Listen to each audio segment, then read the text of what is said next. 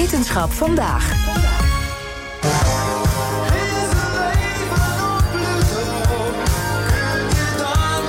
Gezellig dat je er bent, Sterren ten Houten de Lange. We gaan muziek uit mijn oude doos met cassettebandjes dit. Verrukkelijke naam ook, hè? Sterren in dit geval. Sterren, ja, maar daar zitten we de hele week al van te genieten. Niet alleen van sterren, maar ook van het feit dat ze sterren heeft... en het de hele tijd over sterren gaat. Ja, de week van de sterrenkunde. En vandaag wou ik het hebben met de over de vraag der vragen. Is er leven op Pluto? Ja, ik zag hem een beetje aankomen wel naar Ja. dit stukje eh, muziek. Eh, Precies. nou, eh, eh, kom maar op, vertel. Ja, nou kijk, het zat als volgt. Ik was van de week aan het praten met Floris van der Tak. En we hadden het over exoplaneten en over het ontstaan van planeten en van sterren. En ik vroeg me af, met al dat onderzoek naar die planeten die zo ontzettend ver weg zijn, zijn we een beetje uitgekeken op onze eigen planeten? En hij zei het volgende. Nee, helemaal niet. Nee, dat, dat is eigenlijk eh, grappig. Maar er is nog ontzettend veel wat we ook niet weten van de planeten binnen ons zonnestelsel. Het is zelfs ook best mogelijk dat, dat daar ergens ook leven is. Huh? Ja, ja, je hoort het goed.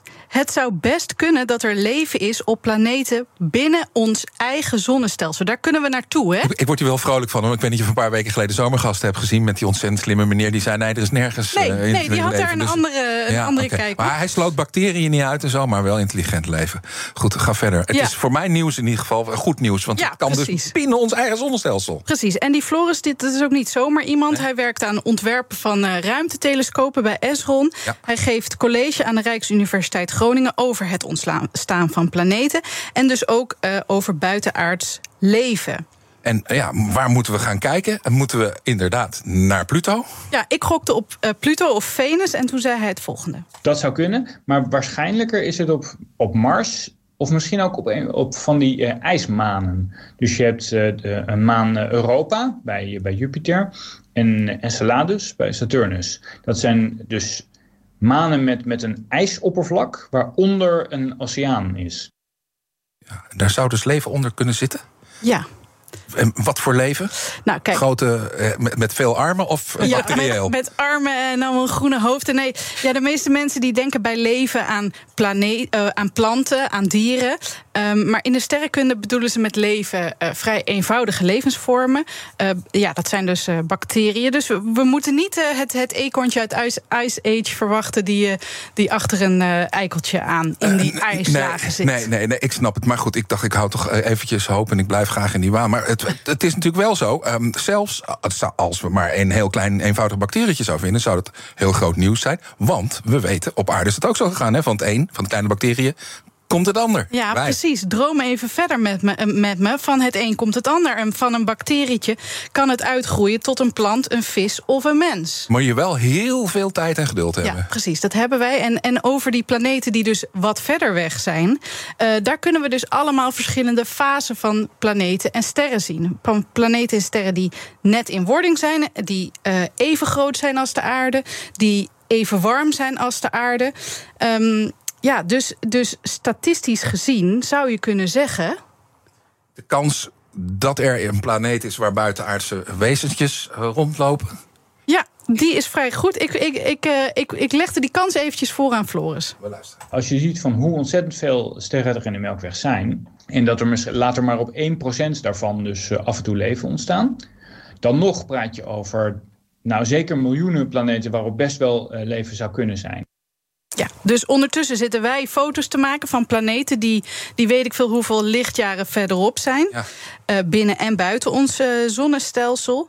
Ja, en als wij het kunnen, dan kunnen zij het ook. Dat zou de paradox zijn. Dus eh, worden wij gefo- Heb je dat gevraagd? Hebben, worden wij gefotografeerd op dit moment? Door, of in de gaten gehouden door buitenaards leven? Ja, dat heb ik gevraagd. Dat zou best kunnen. Maar het, het gekke is, en dat is een beetje zo- zo- zo'n paradox... dat we daar nog nooit sporen van hebben gezien.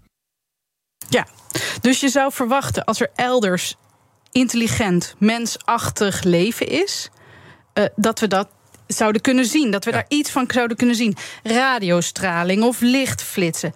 Maar niets daarvan. Terwijl het statistisch gezien onwaarschijnlijk is dat wij de enige zijn.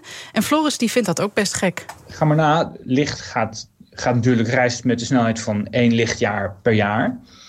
Dus, dus als we al 50 jaar daarna aan het eh, eh, zoeken zijn en we vinden niks, dan heb je al uh, signalen van 50 lichtjaar ver weg, zou je moeten kunnen zien. En dat zijn best een heleboel planeten die, die, je dan, die, daar, die binnen die afstand liggen, zeg maar. Dus dat, dat is best gek. Dus blijkbaar is het niet zo dat op al die planeten waarop leven zou kunnen ontstaan, dat daar vanzelf ook uh, planten en dieren, uh, et cetera, komen.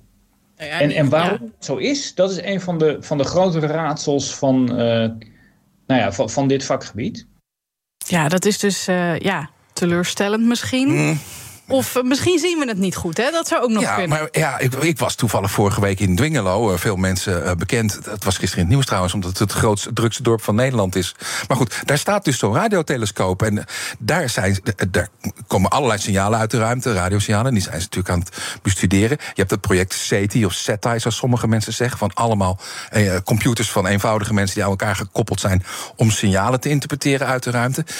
Heel misschien is er af en toe eens een keer wat gehoord. Maar echt, we hebben nog tijd natuurlijk, hè, Sterren? Ja, en ook, ik heb eerder deze week al verteld... als een meteoriet op ons afkomt die, ja. die zeg maar uh, kleiner is dan 100 meter... dan zien we hem niet aankomen. Dus het is niet, ja, het lijkt mij dat we niet alles van de hele heelal al gezien hebben. Dus nee. laten we hoop houden. Dankjewel, wetenschapsredacteur Sterre ten Houten de Lange. Ook Diana Matroos vind je in de BNR-app. Ja, inderdaad. Je kunt live naar mij luisteren tijdens de Big Five. Ook handig in de BNR-app. Breaking nieuwsmeldingen, maar ook het allerlaatste zakelijke nieuws. En je vindt in de app alle BNR-podcasts, waaronder Wetenschap Vandaag. Download nu de gratis BNR-app en blijf scherp.